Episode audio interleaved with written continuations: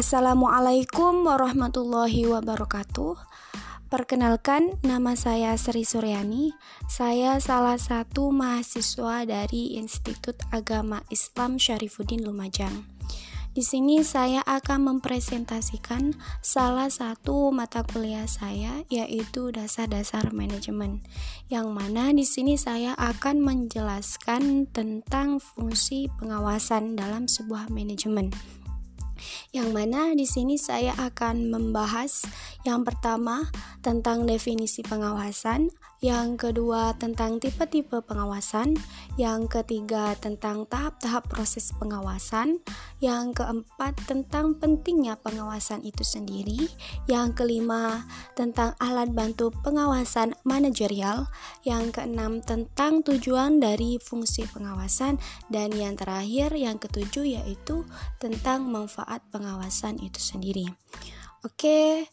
Uh, untuk selanjutnya, kita akan membahas tentang definisi pengawasan itu sendiri.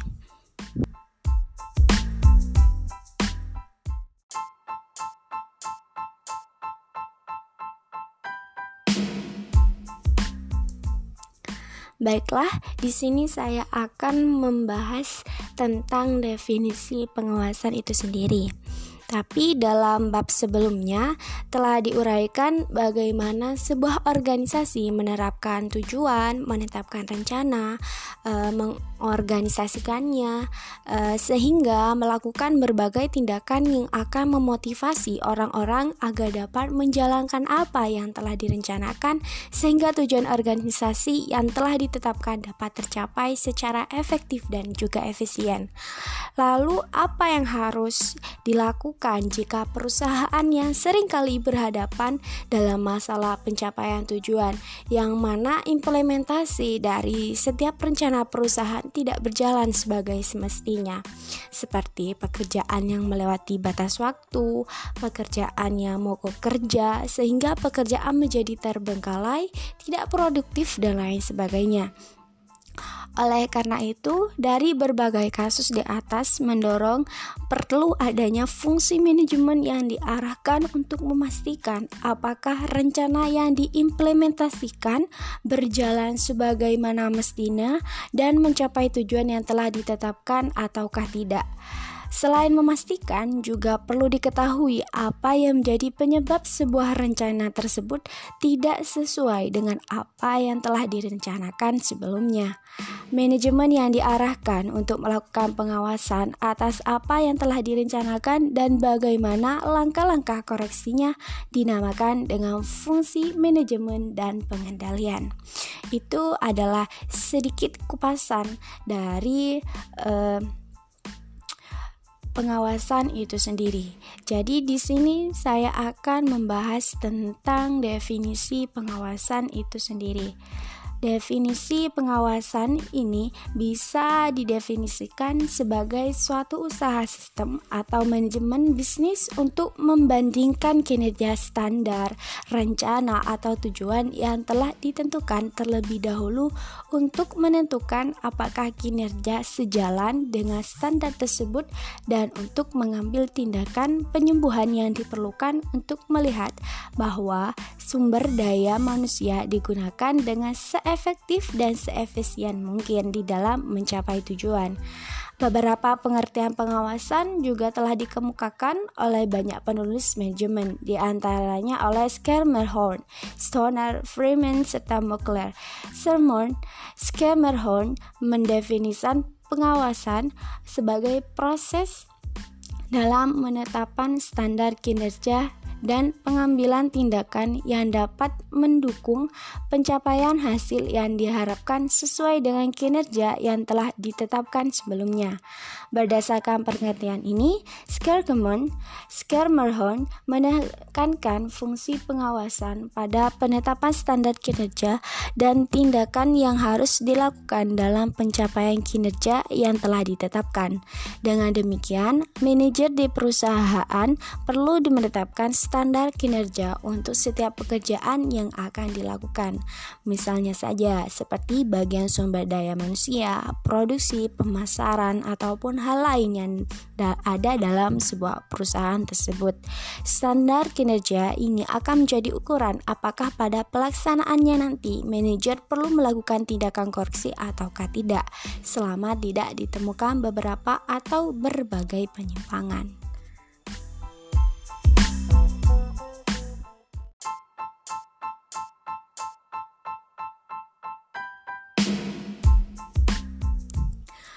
Untuk selanjutnya kita akan membahas tentang tipe-tipe pengawasan. Menurut Donnelly, dia mengelompokkan pengawasan menjadi tiga tipe pengawasan, yaitu yang pertama pengawasan pendahuluan atau preliminary control, pengawasan yang terjadi sebelum kerja dilakukan. Pengawasan pendahuluan menghilangkan penyimpangan penting pada kerja yang diinginkan yang dihasilkan sebelum penyimpangan tersebut terjadi. Pengawasan pendahuluan mencakup semua upaya manajerial guna memperbesar kemungkinan bahwa hasil aktual akan berkekatan hasilnya dibandingkan dengan hasil-hasil yang telah direncanakan. Memusatkan perhatian pada masalah mencegah timbulnya deviasi-deviasi pada kualitas serta kuantitas sumber-sumber daya yang digunakan pada organisasi tersebut. Dengan ini, manajemen menciptakan kebijaksanaan, prosedur-prosedur, dan aturan-aturan yang ditunjukkan pada hilangnya perilaku yang menyebabkan hasil kerja yang tidak diinginkan di masa depan. Pengawasan pendahuluan ini meliputi pengawasan pendahuluan sumber daya manusia, pengawasan pendahuluan bahan-bahan, pengawasan pendahuluan modal, dan pengawasan pendahuluan sumber daya finansial. Yang nomor dua yaitu pengawasan pada saat kerja berlangsung atau concurrent control, pengawasan yang terjadi ketika pekerjaan sedang dilaksanakan. Memonitor pekerjaan yang berlangsung guna memastikan memastikan bahwa sasaran-sasaran telah dicapai. Concurrent kontrol terutama terdiri dari tindakan-tindakan para supervisor yang mengarahkan pekerjaan para bawahan mereka.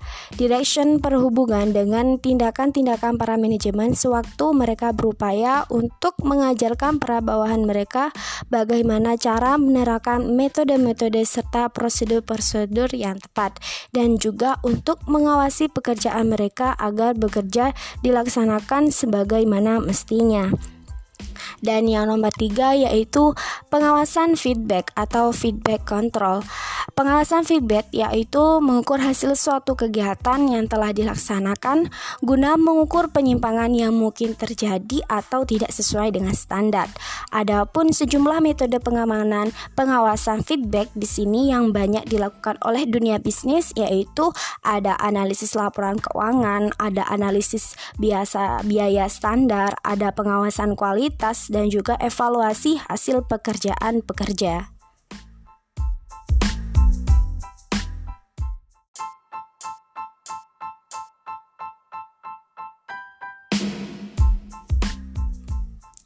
Selanjutnya, kita akan membahas tentang tahap-tahap proses pengawasan. Yang pertama yaitu tahap penetapan standar.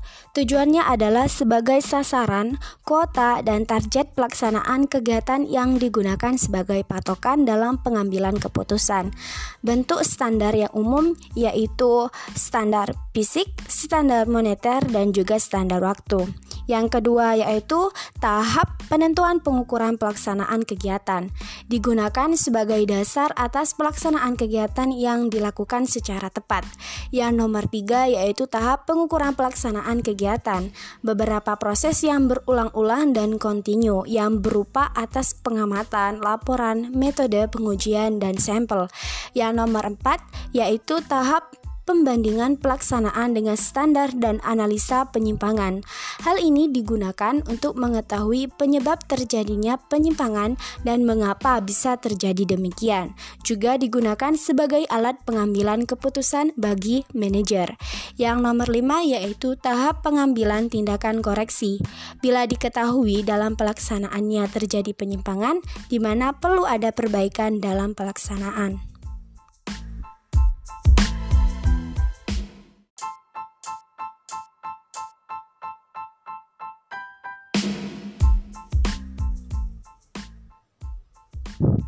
Yang selanjutnya adalah pentingnya pengawasan itu sendiri. Suatu organisasi akan berjalan terus dan semakin kompleks dari waktu ke waktu. Banyaknya orang yang berbuat kesalahan dan juga mengevaluasi atas hasil kegiatan yang telah dilakukan. Inilah yang membuat fungsi pengawasan semakin penting dalam setiap organisasi. Tanpa adanya pengawasan yang baik, tentunya akan menghasilkan tujuan yang kurang memuaskan, baik bagi pengorganisasi itu sendiri maupun bagi para pekerjanya. Ada beberapa alasan mengapa pengawasan itu sangatlah penting. Di antaranya yang pertama yaitu perubahan lingkungan organisasi. E, seperti munculnya inovasi produk dan pesaing baru, ditemukannya bahan baku baru dan lain sebagainya.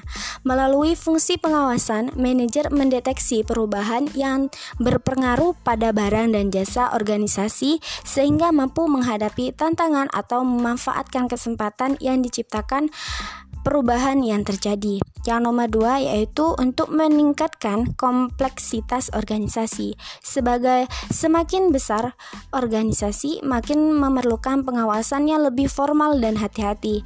Berbagai jenis produk harus diawasi untuk menjamin kualitas dan profitabilitas tetap terjaga.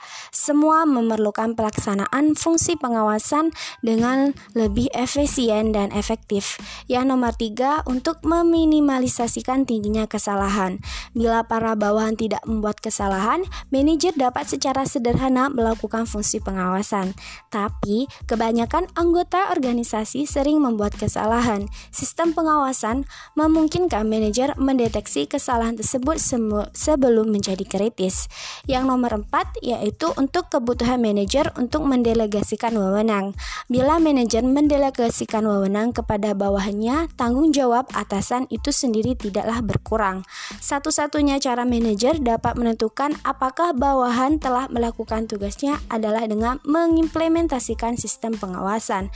Yang nomor lima untuk komunikasi dan yang nomor enam untuk menilai informasi dan mengambil tindakan koreksi, yaitu langkah terakhir adalah membandingkan penunjuk dengan standar penentuan apakah tindakan koreksi perlu dilakukan atau perlu diambil ataukah tidak di kemudian mengambilkan tindakan.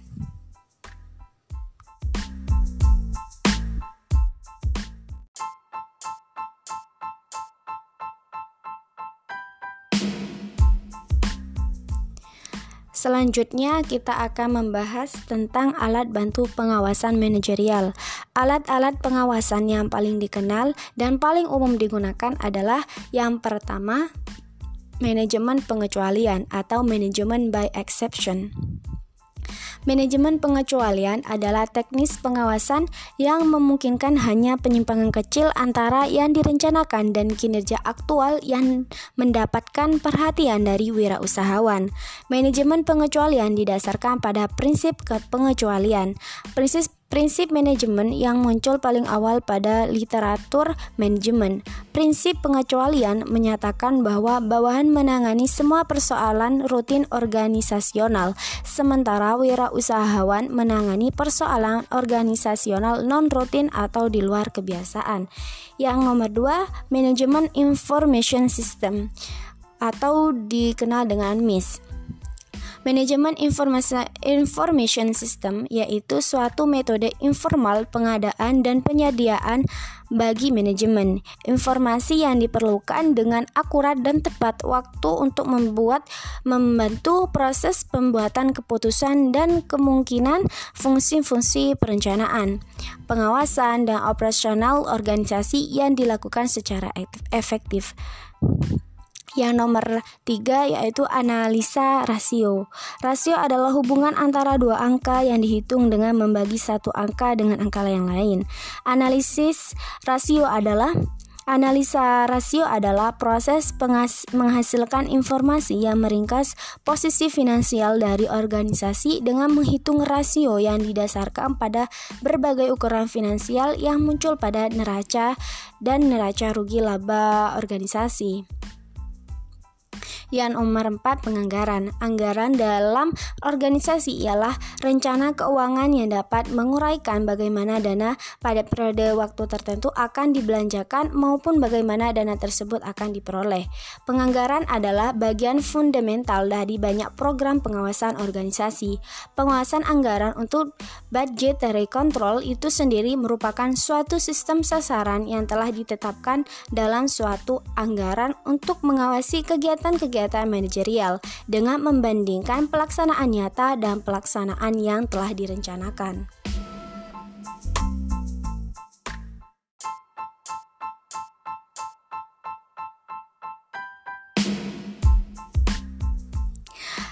Untuk selanjutnya kita akan membahas tentang tujuan dari fungsi pengawasan. Menurut Griffin, tujuan dari fungsi pengawasan dibagi menjadi empat bagian. Yang pertama yaitu adaptasi lingkungan. Tujuannya adalah agar sebuah perusahaan dapat beradaptasi dengan perubahan yang terjadi di lingkungan perusahaan, baik internal maupun eksternal. Yang nomor dua, untuk meminimalkan kegagalan. Ketika perusahaan menjalankan kegiatan produksi produksi. Misalnya, perusahaan memiliki target produksi sebanyak 20.000 unit. Perusahaan berharap bagian produksi bisa menghasilkan produk sebanyak itu.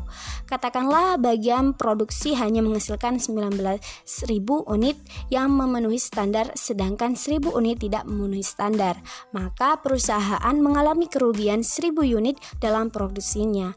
Oleh karena itu, perusahaan perlu menjalankan pengawasan agar target tersebut terpenuhi. Yang nomor tiga, meminimumkan biaya. Sebagaimana contoh di atas, jika target terpenuhi, maka biaya dapat diminimalkan. Akan tetapi, jika kondisinya seperti di atas 1000 unit tidak memenuhi standar, maka hal itu tidak bisa dikatakan meminimalkan biaya, malah menambah beban biaya produksi. Yang nomor 4, untuk mengantisipasi kompleksitas dari organisasi. Tujuan akhir dari fungsi pengawasan adalah agar perusahaan dapat mengantisipasi berbagai kegiatan organisasi yang kompleks. Kegiatan-kegiatan perusahaan hanya memproduksi satu jenis barang atau 10 orang pekerja atau dua bagian dalam struktur organisasi. Barangkali kegiatan manajemen lebih mudah untuk dilakukan.